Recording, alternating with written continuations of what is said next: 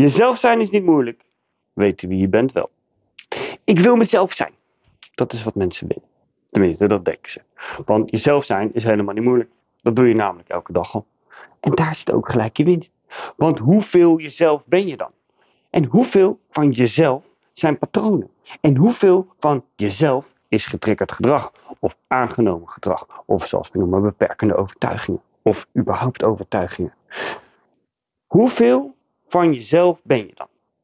Meestal is dat een stuk minder dan dat je denkt. Want we zijn helemaal niet zo autonoom als dat we willen zijn. Of als dat we denken dat we willen zijn. Want als je elke keer weer boos of verdrietig wordt als hetzelfde gebeurt, ben je inderdaad jezelf, maar blijkbaar ken je jezelf dan niet.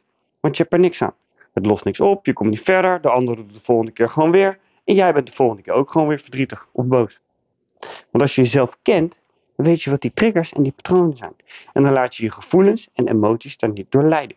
Dan kies je in elke situatie de juiste reactie. Een reactie die jou niet achterlaat in tranen of verwoeden. Want patroon en triggers die moet je leren herkennen. En zodra je die kent, pas je ze aan. En dat betekent dat je jezelf kent. En als je jezelf kent, dan kan je dus echt jezelf gaan zijn.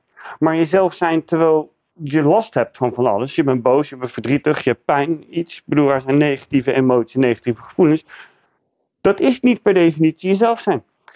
We zijn allemaal gemaakt. De een denkt gecreëerd door een of andere god. De ander denkt we zijn, weet ik veel, misschien gereïncarneerd. En een derde die denkt dat, we, uh, dat er helemaal niks is, dat we gewoon ontstaan. We laten dat in het midden. Maar we zijn hier om gewoon gelukkig te zijn. Al die negatieve gevoelens, die zijn helemaal niet zo nodig.